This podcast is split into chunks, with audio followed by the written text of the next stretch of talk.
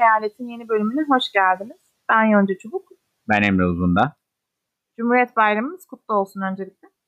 Cumhuriyet Bayramımız kutlu olsun. İstersen rakı bardaklarını çakıştıralım. Bir gelenek adet olarak.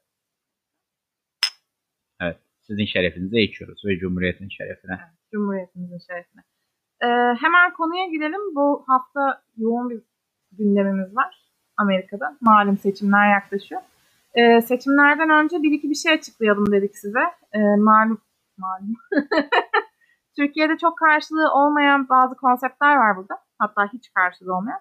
Ee, seçimlerden bahsederken, haberlerden bahsederken ve önümüzdeki bir hafta boyunca hatta belki daha bir Ocak, Ocak'taki yemin törenine kadar bol bol duyacağınız terimleri birazcık açalım dedik. Ya da zaten hali hazırda duyduğunuz ama ne anlama geldiğini belki bilmediğiniz ya da bilmediğiniz bizim de burada öğrendiğimiz birkaç tane vakadan, durumdan, tarihten bahsedeceğiz. Öncelikle 3 Kasım'dan bahsetmek gerekiyor. 3 Kasım çok kısa bir şekilde Amerika'da Türkiye'dekinin aksine Amerika'da oyların verilmesinin son günü ve verilen oyların sayılmaya başlamasının ve ilan edilmesinin ilk günü. Türkiye'deki gibi tek bir gün gidip fiziksel olarak sandık başında oy vermiyorsunuz burada. Bazı eyaletlerde 60 gün önceden, bazı eyaletlerde 4-5 gün önceden hem sandıklara giderek hem de posta yoluyla göndermiş olduğunuz oy pusulalarınız aracılığıyla oy verdiğiniz sistemin sonlandığı gün 3 Kasım ve bu oyların sayılmasının ve ilan edilmesinin başladığı gün. Bugün de ilan edilen veya duyacağınız Türkiye tarihiyle 4 Kasım olacak. Biden önde gidiyor, Trump önde gidiyor, Biden seçimi kazandı, Trump seçimi kazandı gibi durumlar aslında halkın verdiği oylardan ziyade halkın bir sonraki seçim olacak olan, bunu da Yonca birazdan açıklayacak bize. Oradaki seçicilerin hangi meşrepten diyeceğim de hangi partiden olduğunu, Cumhuriyetçi Parti'den mi yoksa Demokrat Parti'den mi olduğunu karar verdiğinin ilanı olacak o gün duyacağımız birçok şey. Evet yani halkın işte sandık başına giderek verdiği oy direkt olarak başkanı seçmiyor Amerika'da bizdekinin aksine. Ee, başkanı asıl seçen kişiler Electoral College denilen ve Türkçe'ye de seçiciler kurulu diye çevrilmiş olan bir kurul. Ee, bu kurul her eyaletin çıkardığı seçicilerden oluşuyor. Toplamda 538 adet seçici var ama tabii ki her eyaletin seçicisi seçici sayısı eşit değil. Küçük eyaletlerden az nüfuslu eyaletlerden daha az temsilci çıkıyor. Bu da kongredeki temsilci sayısına göre zaten e, seçici çıkartılıyor. Minimum 3 adet seçici çıkarma kuralı var. E, en yüksek seçici diye bir şey yok bildiğim kadarıyla. E, en fazla seçiciye sahip eyalet 55 adet oyla kişiyle e, Kaliforniya. Evet 538 kişi başkanı asıl seçen insanlar bu 538 kişi kısacası. Mesela Arizona'da eğer Demokrat Parti fazla oyu aldıysa halktan o zaman Demokrat Parti'nin, partinin seçicileri kurula gidiyor ve e, yemin ettilerse eğer bu çok karışık bir şey buraya hiç girmeyelim bence.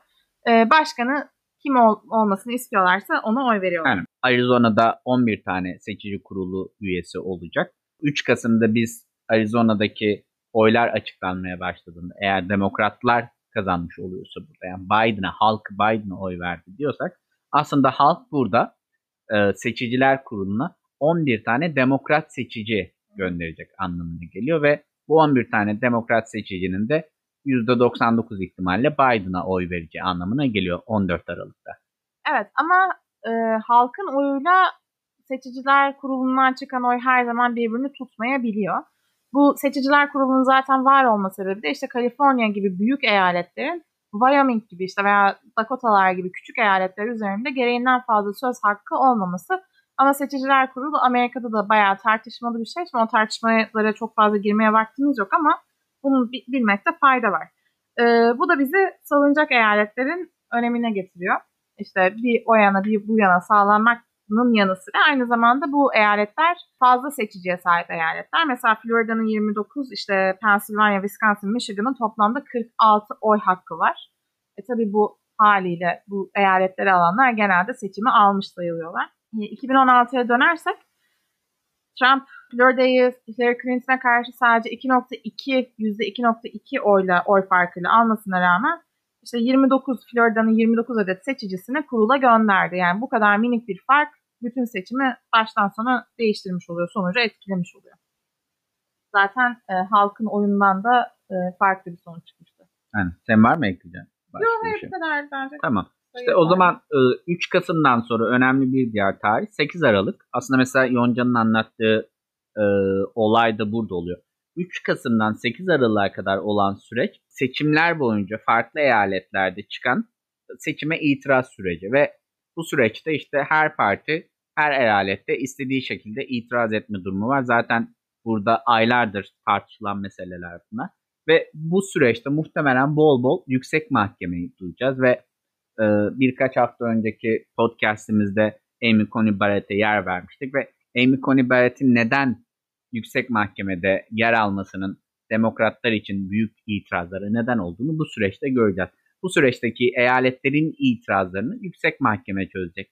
Bazılarına dahil olmak isteyecek bu çözümleri, bazılarına dahil olmayacak ve seçimin gidişatına bu şekilde karar verecek. Ta ki tabi demokratlar veya e, cumhuriyetçiler çok net bir farkla oyu seçimi kazanmazlarsa.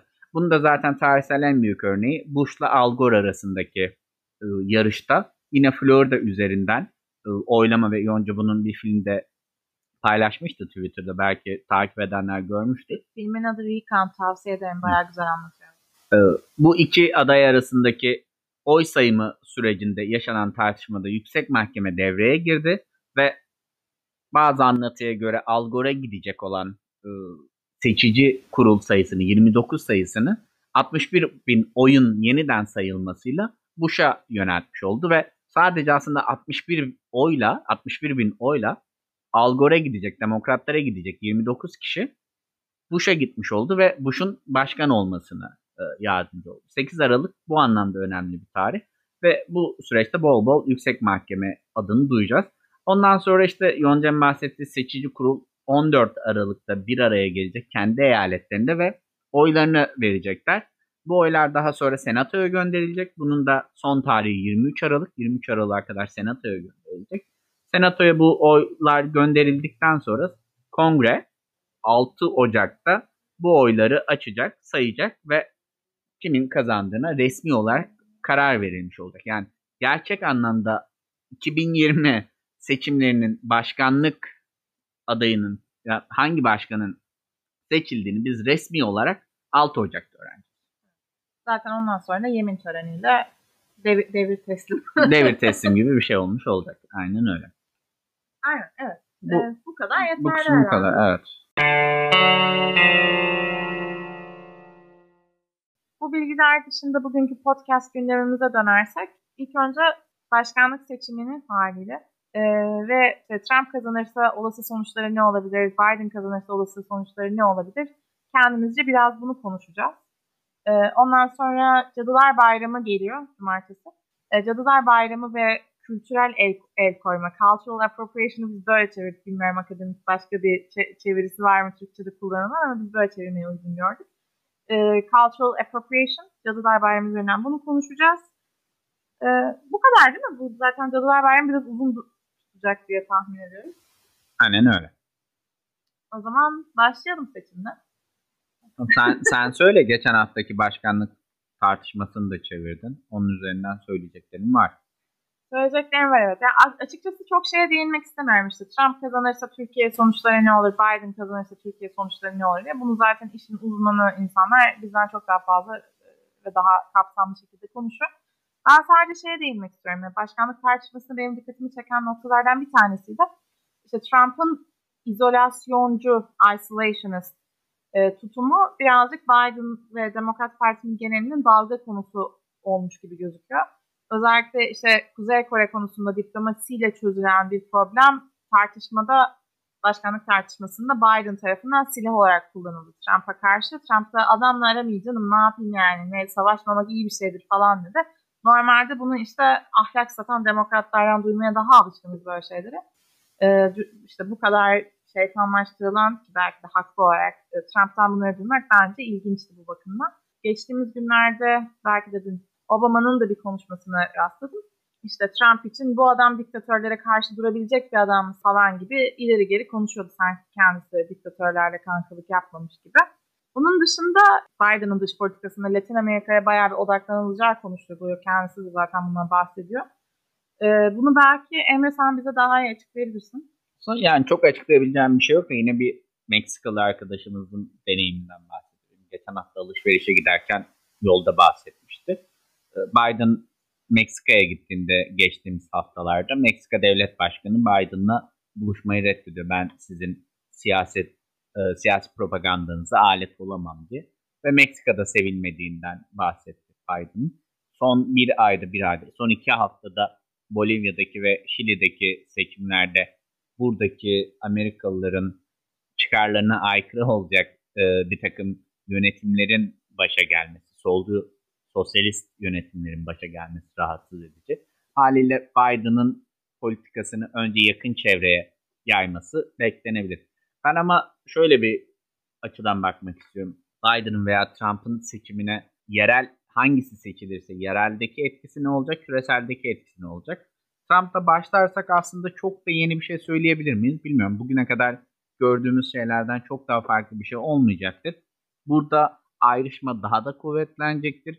Herkesin siyasi söylemleri daha da ağırlaşacaktır, daha da kutuplaşacaktır. Zaten bizim Türkiye'de yıllardır yaşadığımız, şahit olduğumuz veya dünyanın birçok yerinde şu an yaşanan, şahit olunan e, kutuplaşma burada daha da artmış olacaktır. Trump'ın varlığı buna, e, Trump'ın seçimi kazanması buna neden olacak. Yereldeki bu kutuplaşmaya bir örnekti. Dün Senato'nun bir kurulunda yapılan oturumla konuşulabilir, anlaşılabilir diye düşünüyorum. Veya yani Trump seçilirse ne noktaya gelecek ya da Biden seçilirse neleri düzeltmesi, neleri tamir etmesi gerekecek. O açıdan bakılır diye düşünüyorum. Ee, Facebook, Twitter ve Google etrafında gerçekleşen bir oturumdu bu ve iletişim dürüstlüğü yasasının 230. maddesinin tartışmaya açıldığı bir oturumdu. Bu 230. madde temelde internet şirketlerinin kullanıcı paylaşımlarını gözetleme hakkı olduğunu söylüyor ve bu hakları nedeniyle herhangi bir şekilde hukuksal bir yaptırma ya da herhangi bir davaya konu olamayacakları konu olamayacaklarını söylüyor.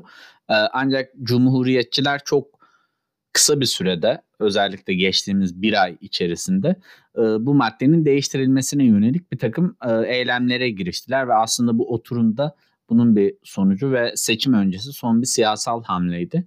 Tabii demokratlar da bu fırsatı kaçırmayıp kendi lehlerine, kendi söylemlerini, ifadelerini e, temsil edebilecekleri bir platform olarak kullanıp, bir şans olarak kullanıp tamamen bir herhangi bir oturumda olduğu gibi ya da geçtiğimiz iki hafta önceki Amy Coney Barrett oturumunda olduğu gibi iki tarafın tamamen siyasi söylemlerini, ezberlerini tekrar ettikleri bir e, ortam oldu. Ben aslında podcast'te böyle uzun bir yer veririz, bir bölüm ayırırız diye düşünüyordum. Ancak e, biraz araştırma yaptığımda, okuma yaptığımda çıkarılan e, işlere baktığımda hiçbir tartışmanın olmadığını gördüm ve onun için sadece bu kutuplaşma e, ekseninde bu olaya bakmak istedim. Yani temelde cumhuriyetçiler mesela Facebook'a saldırırken, e, pardon Twitter'a saldırırken işte New York Post haberinde olduğu gibi. Bu arada New York Post geçtiğimiz haftalarda Trump'ı desteklediğini açıkladı. New York Post Hunter Biden'ın haberini yaptığında siz neden o linki ve New York Post'un erişimini, paylaşımını ve erişimini kısıtladınız saldırısı yaptı. Facebook'ta e, demokratların saldırısına uğradı. Neden o oradaki daha muhafazakar ve cumhuriyetçi fikirlerin yayılmasına izin veriyorsunuz? Özellikle Michigan'da geçtiğimiz birkaç hafta önce Michigan valisine bir e, nasıl diyeyim suikast girişimi vardı. E, muhafazakar bir grup taraf e, bir grup tarafından bir suikast girişimi olacaktı. Facebook'un yardımlarıyla bu engellendi ama buna benzer diğer nefret söylemlerinin oluşmasına neden zemin tanıdığını tartıştı demokratlarda. Bu da bize aslında şeyi gösteriyor yani herhangi bir gerçekten insanların hayatında büyük bir değişime neden olacak. Yani bununla ilgili bir, belki bir, birkaç hafta bir, birkaç ay önce Türkiye'de de bayağı bir konuşuldu Social Dilemma belgeseli. Bunun, bunun gibi birçok belgesel var, birçok iş var. Artık internet şirketlerinin ya da büyük teknoloji şirketlerinin hayatımızı nasıl değiştirdiğini ve gerçeklik kavramımızı ne noktada etkilediğini gösteren. Bu tartışmalara belki zemin hazırlaması gereken bu tür oturumlar maalesef tamamen iki tane siyasi kutbun, iki tane siyasi partinin tamamen partizan bir şekilde kendi ezberlerini, söylemlerini kendi seçmen kitlesine ulaştırmaya çalıştığı ve gerçekten değişime neden olacak bir e, eyleme geçmediği noktaya geldi. Bundan da ayrıca bahsetmek istedim. Biden'ın seçimi kazanması ise ben de en azından yerelde yarattığı endişe ne olursa olsun Trump'ı göndermeliyiz dedikten sonra ve 2016 seçimlerindeki rehavetlerinden sonra maalesef ben demokratlara oy veren ya da özgürlükçü ya da Trump gitsin diyen birçok insanın Biden seçildikten sonra biz görevimizi tamamladık. Bundan sonrası siyasetçileri düşüyor deyip birçok e, argümanını terk etmesi ve hayatına olduğu şekilde devam etmeye başlaması olacak. En büyük sıkıntılardan bir tanesi bu olacağını düşünüyorum. Bunun ulusal, e, küresel anlamdaki etkilerini, Biden'ın seçiminin küresel anlamdaki etkilerini ise Yonca'nın anlattığı şekilde Trump'ın değiştirmiş olduğu politikaların aksine Biden aslında alışık olduğumuz Amerikan e, egemenliğini yayma, hegemonyasını yayma politikasına dönüştürecek ve bunu aslında çok alışık olmadığımız yeni bir alanda göreceğiz. Bu da iklim politikalarında olacaktır diye düşünüyorum ben. Mesela 2019 yılında sadece CNN'de sadece iklim değişikliği üzerine bir e, demokrat adaylar arasında yapılan konuşmalarda demokrat adayların savunduğu birçok şeyi bugün savunmadıklarını görüyoruz. Ya da artık bunları yumuşattıklarını, e, o sert söylemlerini yumuşattıklarını görüyoruz. E, ama temeldeki oradaki birçok adayın kullanmış olduğu söylem şunun üzerineydi. Biz Amerika olarak dünya egemenliğini iklim politikaları üzerinde de yaymalıyız. İşte Rusya geliyorlarda bir takım araştırmalar yapıp bunun önüne geçmeliyiz. İşte Çin gaz salımında aşırıya gitmiş durumda bunu önlemeliyiz. Aslında Çin'le Trump da savaşırken kendileri de savaşma vaadi veriyor. Sadece bu savaşma vaadini bambaşka bir mecrada sürdüreceklerini söylüyorlar. Onun için önemli olan mesele aslında iklim kısmına bakmak olacak.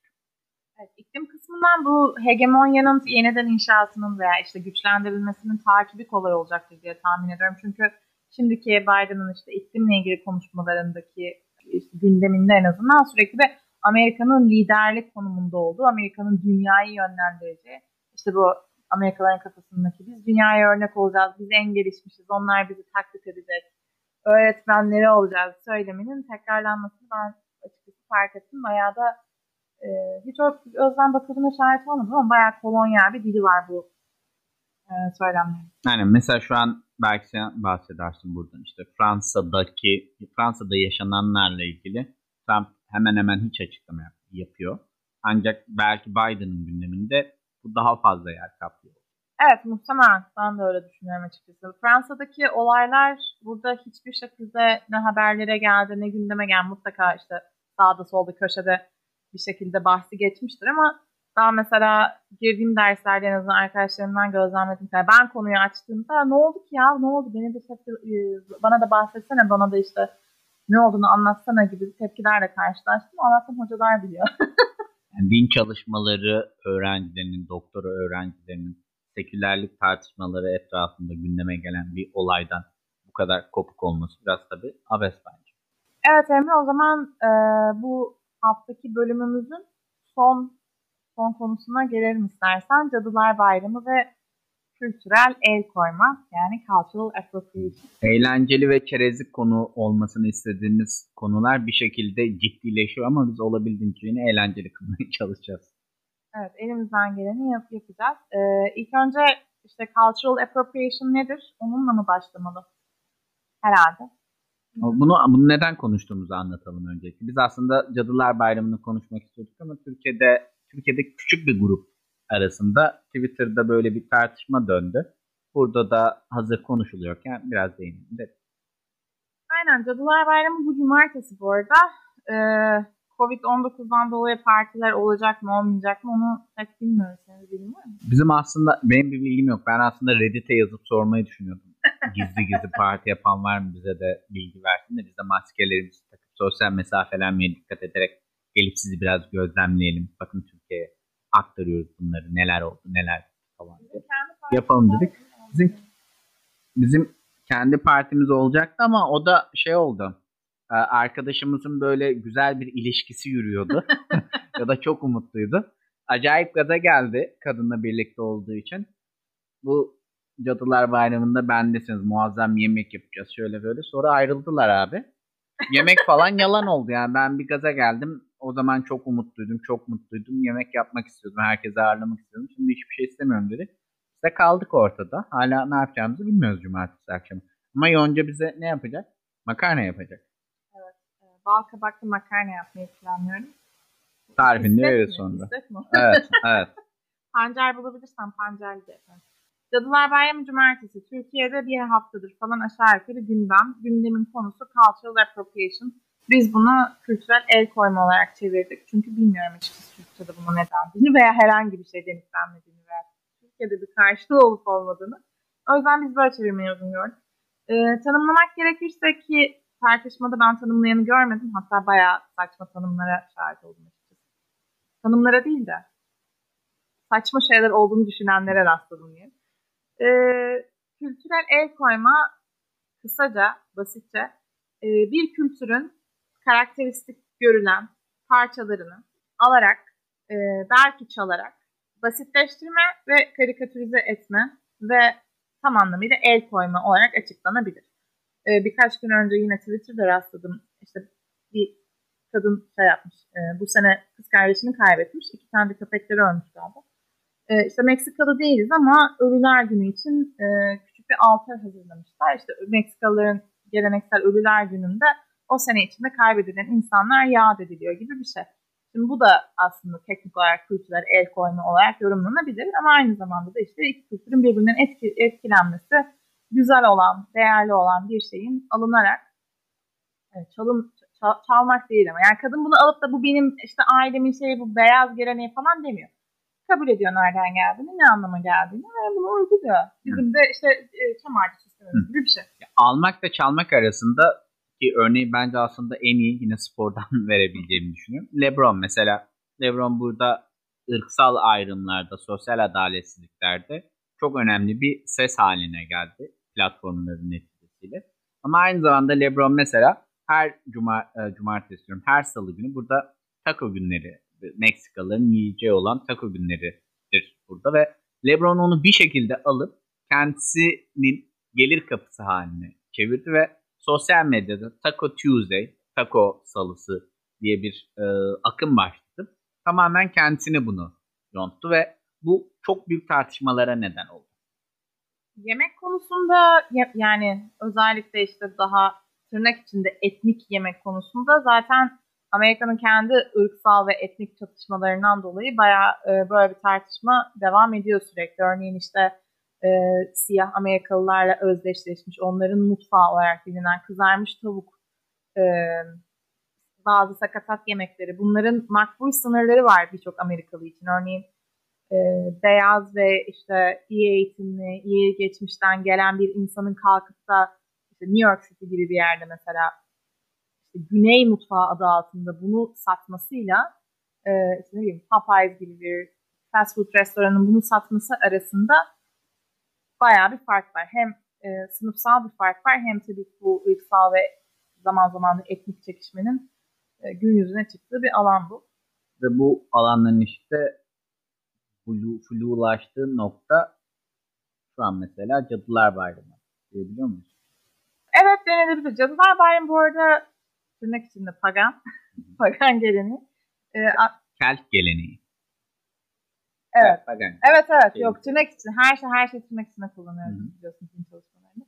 Ee, aslında işte şey iki dünya arası yani işte ölü, ölülerin olduğu dünya ve bizim dünyamız arasındaki e, perdenin en çok inceldiği noktalardan bir tanesi olarak biliniyor en azından popüler kültürde bu şekilde biliniyor. O yüzden e, Victor Turner'ın bahsettiği eşikte olma durumu söz konusu Cadılar Bayramı'nda. Roller akışkan, herkes her şey olabiliyor en kabul edilmez şey bile olabiliyorsun. Ne bileyim seri katil olabiliyorsun mesela. Veya işte bu sene herhalde bayağı bir korona korona olacak insan çıkacak. Aynen. Haz, haz, hazmat giyip dolaşan insan göreceğiz muhtemelen etrafta. Aynen. Yani çok korkunç ama 11 Eylül sonrası bayağı bir insanın usulü bir neden olduğunu hatırlatmakta fayda var. Yani roller bu kadar akışkan.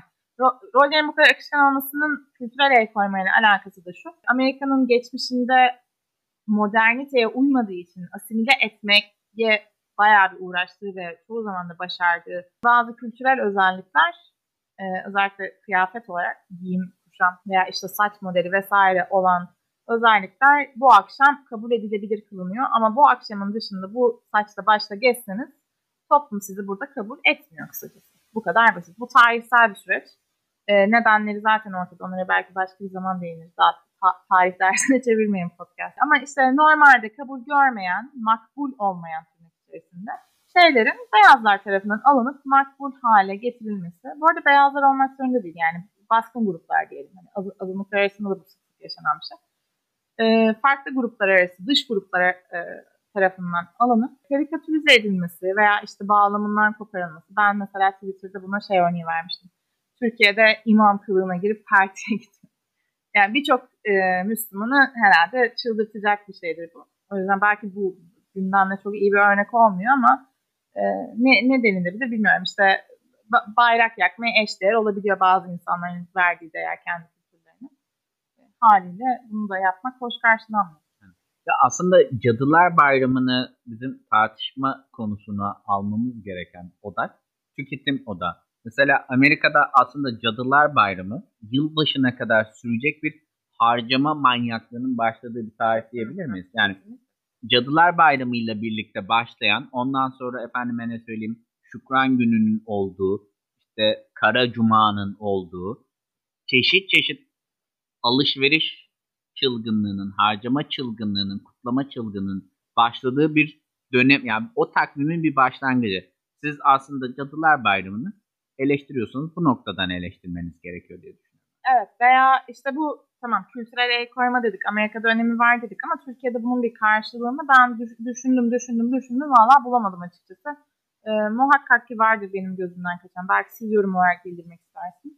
E, ama normalde işte toplumda kabul görmeyen bir giyim kuşamın bağlamından tamamen koparılarak, karikatürize edilerek bir kostüm haline getirilmesi ve sadece baskın grupta yaptığı zaman e, kabul edilebilir olması sadece bir gece boyunca. E, ben e, açıkçası aklıma bir şey gelmiyor. Benim bildiğim Türkiye'de insanlar zaten çok az insan kutluyor bildiğim kadarıyla. Kutlayanlar da vampir işte en çılgını herhalde Joker Moker olacaktır bir tanesi. Ne olacak yani? Kutlayan Hollywood'dan kutluyor. MTV'de gördüklerinden kutluyor. Artık tabii de YouTube'dan gördüklerinden kutluyor. Başka bir şeyle kutlamıyor yani.